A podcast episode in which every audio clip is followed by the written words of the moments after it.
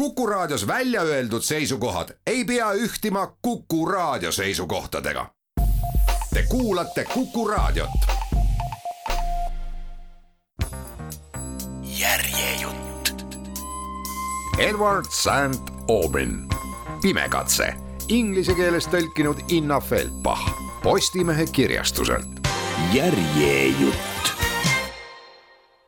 Francis puges pajuvõssa, mis oli kasvanud ta maja kõrval asuvale maatükile, lükates aeg-ajalt laiali painduvaid oksi ja põigeldes, kus võimalik neist läbi.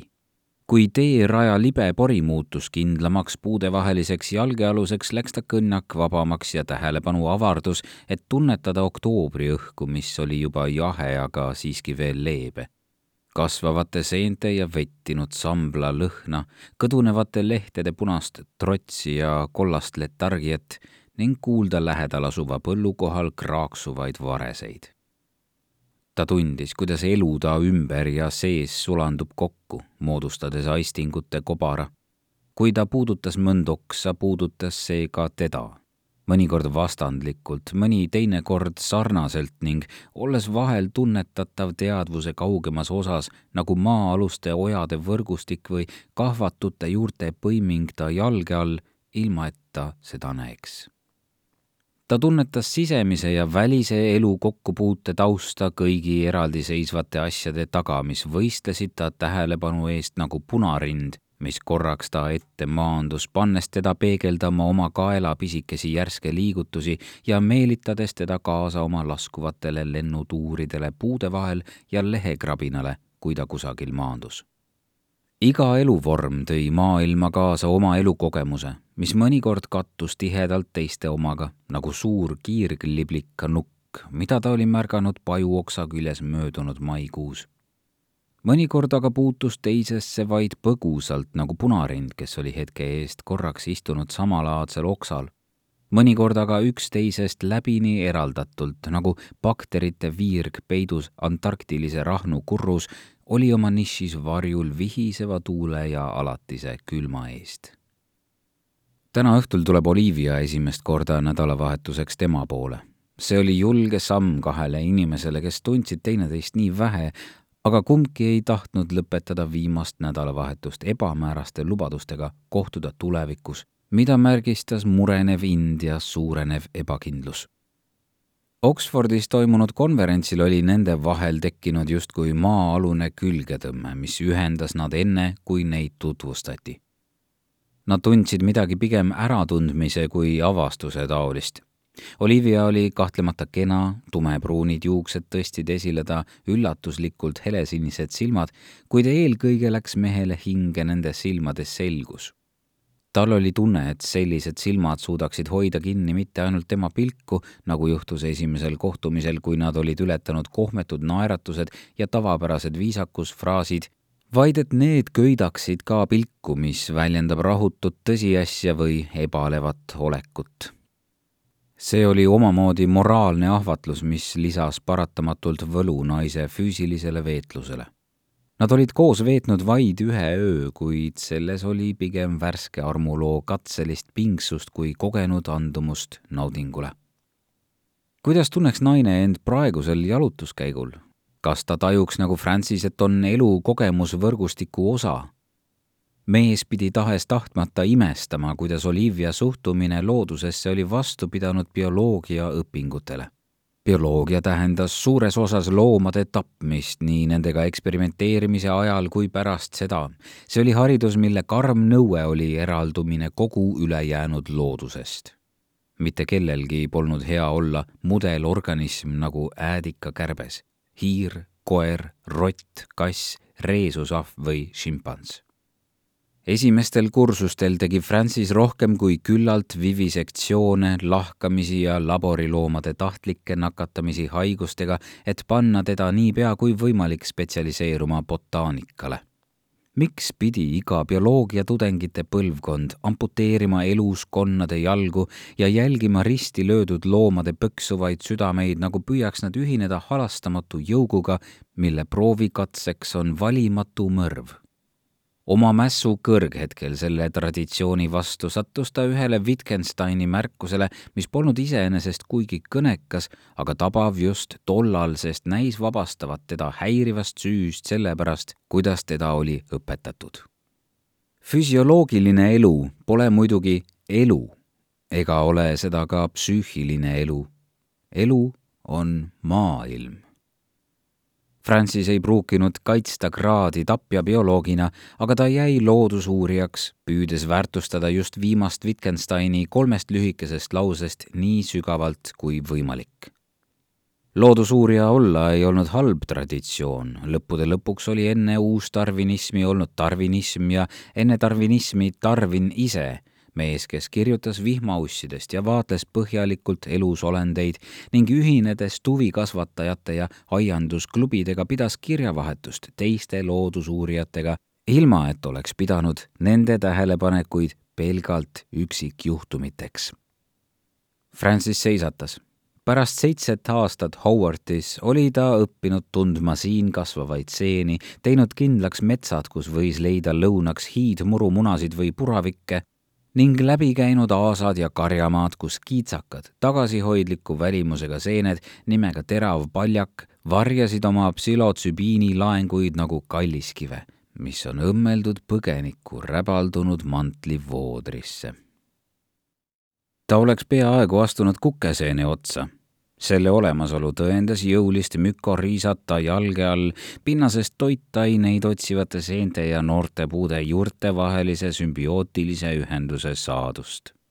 mõnedes ökosüsteemides kandusid toitained tugevatelt taimedelt üle kiratsevatele, aga igal juhul nõudis seeneniidistiku arenemine pikka aega oli erutav näha, kuidas uus teadmine kasvas välja metsastamise eksperimendist, mis leidis aset maamaja ümber kümme aastat tagasi olid majaomanikud märganud, et Howardi põlistammed nägid välja haiged ja hakkasid kärbuma. Nad polnud enam elujõulised ja rohelisest võrast ulatusid välja põdrasarvede sarnased raagusoksad. maaomanikud kutsusid kohale arboristi, kes ütles, et tammed surevad maa pideva kündmise tõttu, mis vigastab nende juuri ja ka pestitsiidide ning kunstväetiste kasutamise pärast, mida pidevalt pinnasesse lisati puid, mis olid välja kannatanud laevaehituse vajadused, tööstusrevolutsiooni ja Teise maailmasõja puidu varumise nõuded, tapeti nüüd põllumajandust edendades.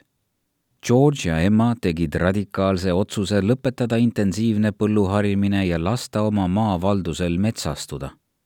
kunagi üksluistele nisuväljadele ilmusid punahirvede, kabehirvede, Tamworthi sigade, Longhorni veiste ja Exmoori ponide karjad, kes näisid esindavat kunagi Briti saartel elada võinud loomi.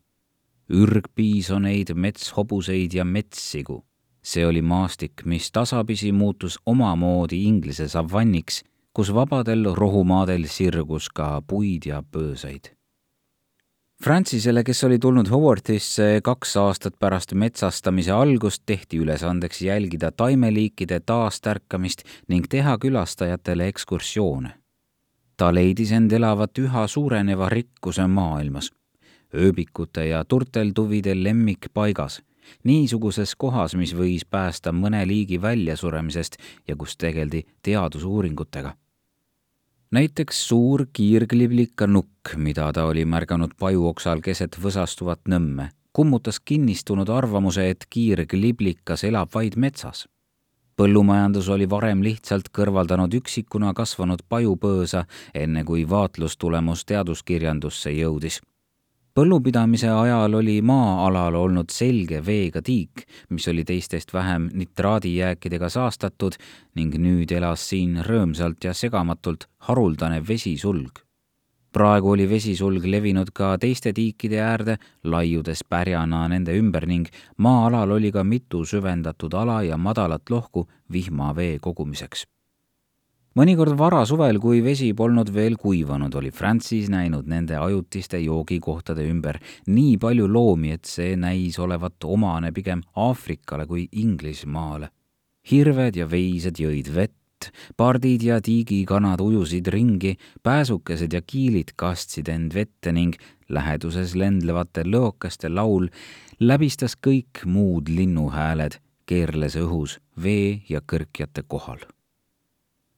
Howardit ümbritsev tasane raske savimullaga maa, mis asus ühes riigi kõige tihedamalt asustatud kohas, oli üsna erinev Somerseti külast Quantocki mäestiku serval, kus Francis oli üles kasvanud ja mis oli üks esimesi Inglismaal silmapaistvalt kauni loodusareaali tiitli saanud kohtadest.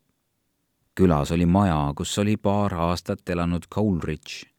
umbes kolmkümmend miili eksmoorist oli Ashi farm, kus luuletaja oli kirjutanud Kubla Khani, kui teda häiris keegi Porlocki võõras.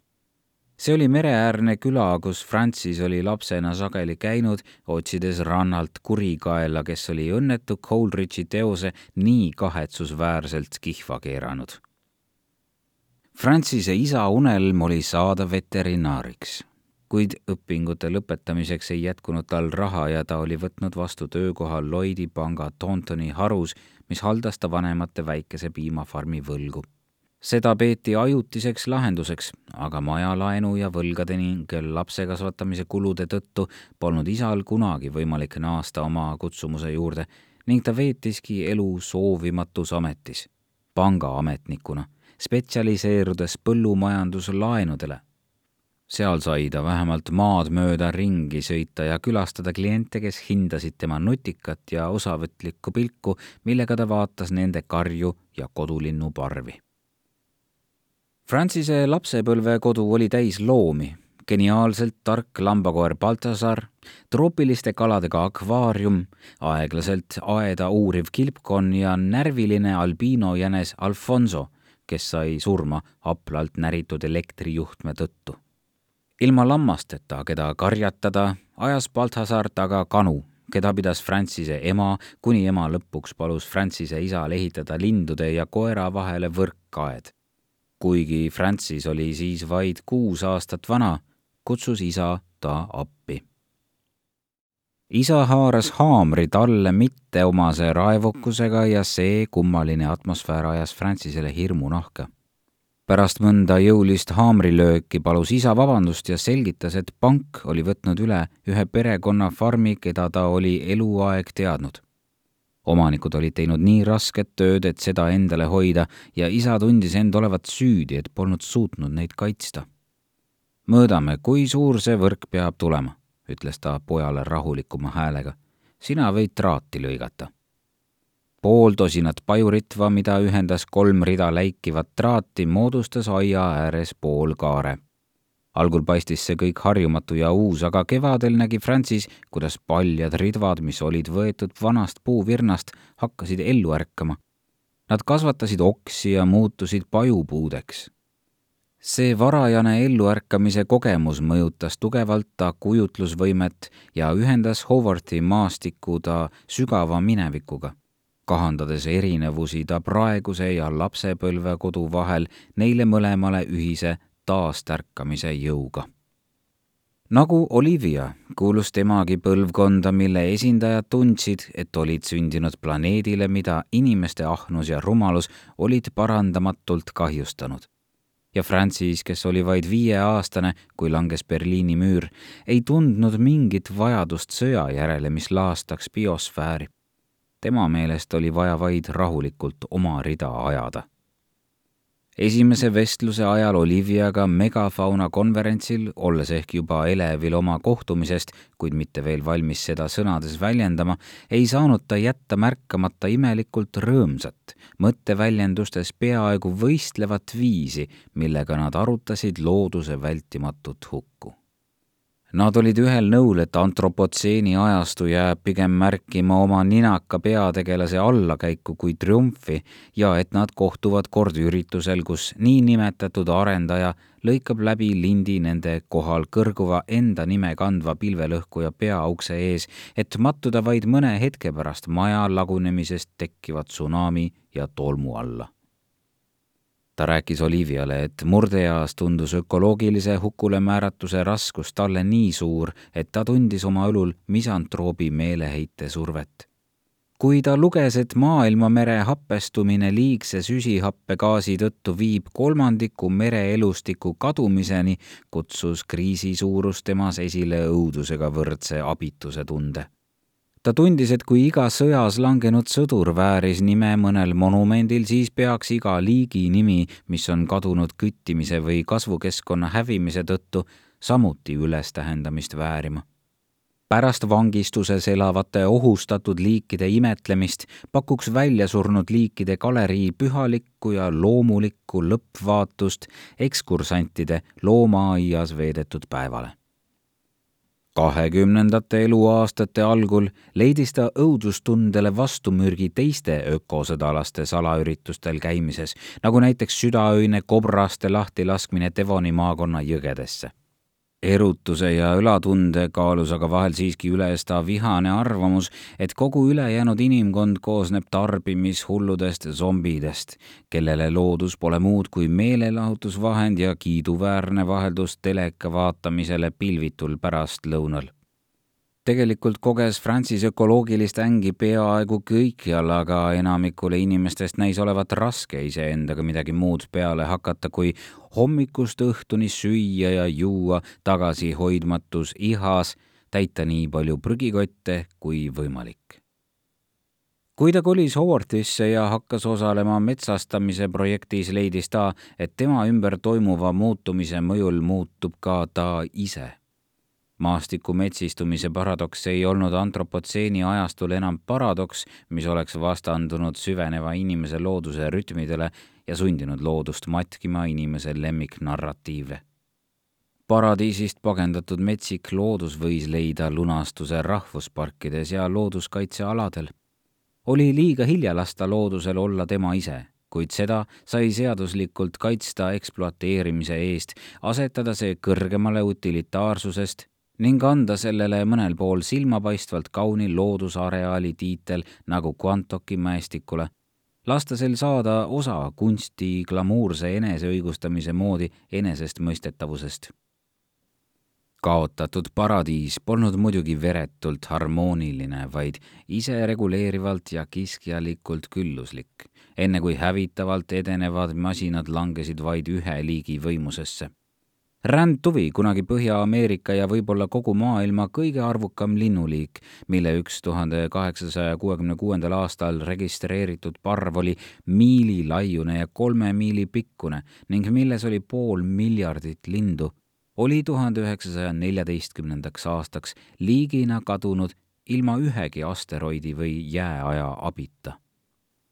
Yellowstone'i rahvuspargis oli huntide loodusesse tagasitoomine tasakaalustanud kogu ökosüsteemi, muutes suured rohusööjate karjad väiksemaks, hoides põhjapõtru eemal teiste loomade lemmikrohumaadest ning tuues parki tagasi haavad ja paplid ning üha suuremal arvul kotkaid ja kaarnaid, kes said toituda huntide murtud loomade korjustest ja nõnda edasi. see oli toitumiskaskaad, mille tegi korda huntide hävitamise lõpetamine, mida parkide juhtkond kunagi soosis. metsiku looduse pooldajad vaidlesid huntide ja ilveste tagasitoomise üle ka Šotimaale, kuid neile hakkasid vastu karjakasvatusega tegelevad farmerid ja spordirajatiste omanikud. selle asemel tuli igal aastal hukata sada tuhat hirve, et nad ei sööks maapinda liiga paljaks ja et sellele ei järgneks metsa taastumine metsastamine ei olnud fantaasia tagasipöördumisest ürgse maa juurde, kust on ära viidud mootorsõidukite liiklus ja kuhu on asustatud väljasurnud liike, vaid püüe mõista inimese sekkumiseta areneva maastiku dünaamikat ja luua neid maastikke tänapäeva maailma juurde. Üks põhjusi, miks Francis tuli konverentsile, oli uurida ajaloolist küsimust sellest, kuidas ökosüsteemid olid minevikus saavutanud tasakaalu kas Briti saared olid kunagi peaaegu üleni kaetud metsaga, enne kui domineerima pääses inimtegevuse mõju oma kütuse, ehitusmaterjalide ja põllumajandusmaa vajadusega? Või oli megafauna takistanud katkematute metsade kasvamist, lükates ümber puid ja trampides nende peal koos väiksemate loomadega, kes takistasid puude kasvamist, kahjustades nende koort ja toitudes seemikutest kuigi teda köitsid konverentsil esitatud võistlevad vaatepunktid endisaegsele loodusele, leidis Francis peagi, et Olivia köidab teda siiski rohkem. teisel päeval lõid nad lahku diskussioonirühmast, kus arutleti hiidlaiskloomade mõju üle looduskeskkonnale, enne kui põlisameeriklased hiidlaiskloomade seisukohalt mörtsukatest uustulnukad nad hävitasid ning hakkasid rääkima hoopis oma tunnetest teineteise vastu uurinud järgmisel päeval järele, mida tema äraolekul räägiti, tundis Francis kergendust, et konverents pooldas niisuguseid maastikke, mis oli tekkimas Howardis. Francise mõtteid katkestasid lühikesed üha arvukamad kraaksatused. ta vaatas ringi just õigel hetkel, et näha värisevate okstega puuvõrast tosinate kaupa õhku tõusvaid künnivareseid Nad tuletasid talle meelde tindipritsmeid, mis lendasid välja ta täitesule peast, kui see ta lõpueksami ajal keereldes läbi õhu lendas. kogu episood näis toimuvat aegluubis, just sel kiirusel, nagu lehvitasid tiibu ja keerlesid õhus need kauged künnivaresed mille tekitas teda kangestav hirm, et sulepea võib ta elu kõige tähtsamal eksamil maanduda otsaga keset paberilehte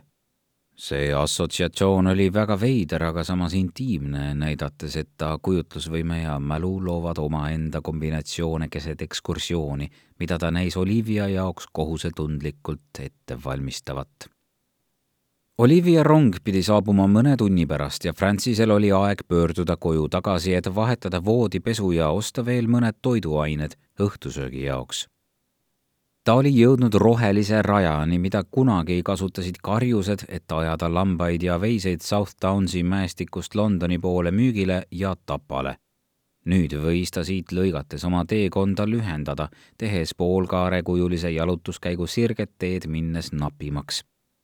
ta hakkas keskpäeva päikese all kiiresti astuma ja kohtumise ootus ühines ta hinges rahutu teadmisega, kui vähe ta Oliviat veel tunneb ja suure hulga täiesti uudsete olude stressiga. see oli naise esimene külaskäik tema majja, esimene kord, kui ta temale süüa teeb, esimene kord, kui ta oli ostnud endale vaevu jõukohase hinnaga punaveini, mida kohalik kaupmees soovitas, ja lisaks veel pettumuse võimalus, mis kõiki uudsusi ümbritses. Francis jäi hetkeks seisma, surus ärevuse maha, vaatas uuesti ümbrust ja pahvatas naerma taibates, et kõik on suurepärane just nii, nagu see on ja et oletused ei saa teha seda paremaks. Lucy istus aknaalusele istmele, mille juhi abi Jade oli talle broneerinud, väiksesse pessa, mis pikenes kitsaks voodiks. ta reisis päevase lennuga New Yorgist Londonisse, kuid oli nii läbi raputatud, et võis riskida ööpäevaringse kaosega, kui heidaks kohe hommikul magama enne telefoni väljalülitamist saatis ta tekstsõnumi Oliviale. ta rebis teki ümbert plastkoti ja avas väikese musta kotikese, mis sisaldas tillukest hambaharja, tillukest hambapastat, tillukest huuleläikepakikest, tillukest niisutava kreemi pakikest, silmamaski ja kõrvatroppe. võtnud välja kaks viimast eset, toppis ta kotikese istme taskusse Jade oli küsinud Lucylt, kus ta eelistaks istuda ja mida soovis süüa ning ta lemmikkohvimarki, kui ta peatub Hunteri harva kasutatavas, kuid kõigega varustatud Londoni korteris. ta küsis ka tema lemmikajalehte ja eelistatud hommikusöögi menüüd sellise hoolitsemise peale hoidis Lucy end tagasi, et mitte meilida neiu Jade'ile ka oma veregruppi, lemmikasendit voodis ja kalduvusi poliitika vallas Jade oli Hunter Sterlingi ülimalt tõhus eraassistent, kellele oli kahtlemata antud korraldus teha Lucy jaoks kõike parimal moel.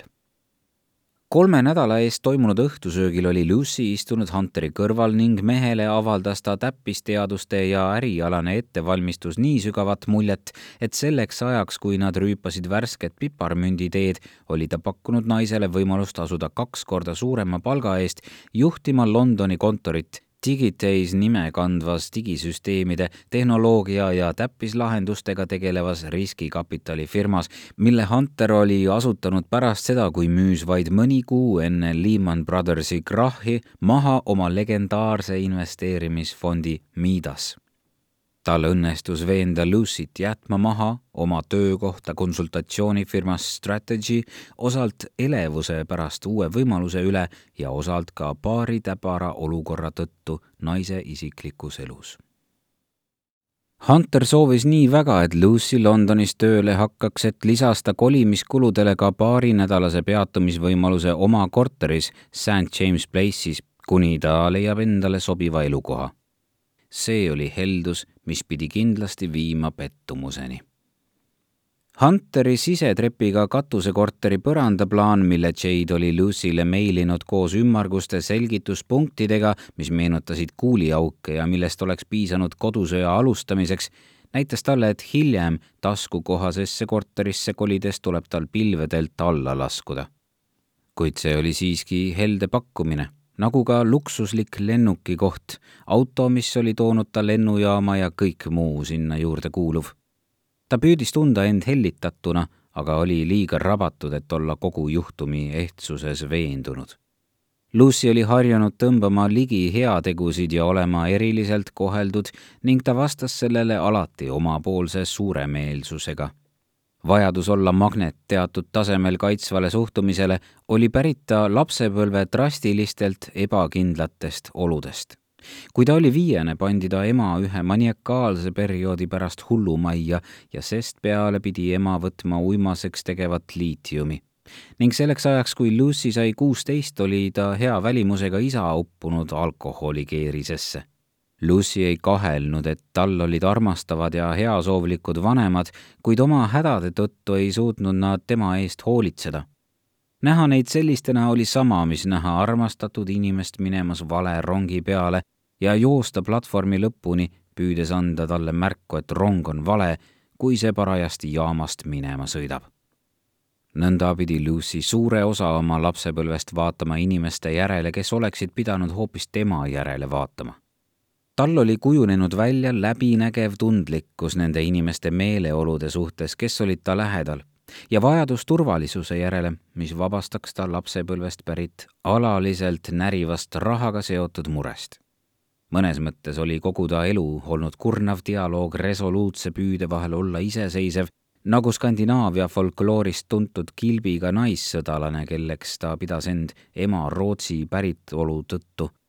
ja loomuliku võime vahel leida graniitkaljudesse peitunud sadam, nagu oli viikingite metafoori järgi juhtunud tekitades mõjuvõimsates meestes soovi teda kaitsta. Lucy ütles stjuardessile, et ei vaja hommikusööki, kuid sooviks ühte verise Mary kokteili. ta ootas kannatamatult lennuki õhku tõusmist, et püüda veidi magada. Kui ta turvavöö kinni pani, tundis ta parema jala lihastes veidrat spasmi, mis sarnanes vahel tallakaare all tekkiva krambiga, kuid oli nüüd levinud kaugemale ja tundus tugevam ta ajas seljatoolil sirgu ja haaras kinni käetugedest, kuni kramp möödus. seda oli juhtunud viimaste nädalate jooksul kaks korda ja ta oli pidanud seda paanika hoo tunnuseks. Kuigi see ehmatas, pani teda vaevalt imestama, et tema täiskasvanu ea tõenäoliselt kõige stressirohkema ja puuduliku unega kuu järel tekib mõni sümptom. Kui ta viisataotlus ootamatult tagasi lükati, pakuti Strategy firmast, et nad viivad ta ise Londonisse kohale, aga ta oli otsustanud võtta vastu Hunteri töökoha pakkumise ja see tegi ta kodutuks ränduriks mandrite vahel ning samas tuli pea kohe alustada ka uut tööd ning lisaks sellele oli veel Nathan. viimasel neljal aastal oli ta New Yorgis elanud koos oma rikka ja kena noormehe Nathaniga kelle tihedalt läbikäiv perekond oli hakanud pidama teda oma inimeseks. Nathani vanemad, kel oli Long Islandil mereäärne krunt ja suur tellismaja New Yorgi West Village'is ning kolm last, kes kõik elasid sama linnaosa võluvates korterites, olid pakkunud Lucy'le soojust ja külalislahkust, mis oli vaba vaesusest ja vaimuhaigusest ning radikaalselt erinevat kogemust perekonnaelust võrreldes sellega, milles ta oli üles kasvanud kui ta avastas, et peab Ühendriikidest lahkuma, ütles Nathan, et nüüd oli olukorra selge lahendus abiellumine. tema saaks Ameerika kodakondsuse ja lõimuks veelgi tugevamalt mehe suurepärase perekonnaga. Nende suhe oli kestnud nii kaua ja Lucy meeldis kõigile nii väga, et Nathani pere ühine arvamus oli nende kaheldamatu kokkujäämine. nii et miks mitte nüüd, kui see oli samavõrra kasulik kui romantiline. Lucy't pani Nathani ettepanek aga mõistma, et ta ei taha veeta oma elu ega üldse rohkem aega koos temaga see ootamatu surve oli pannud teda tunnistama, et nende suhe oli ammugi püsinud vaid harjumuse, transi ja kaotuse kartuse najal. algul vaidles Nathan ta otsusele vastu, tuletades meelde oma kirge ja nende armuloo sügavust, aga kui naine jätkas ta tõrjumist, sai mehele selgeks, et nii hapra taustaga inimene, kes ütleb ära ta soodsast pakkumisest, on tõesti võimatu kaaslane.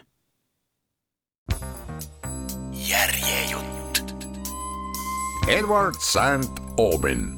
Pimekatse, inglise keeles tõlkinud Inna Feldbach. Postimehe kirjastuselt. järjejutt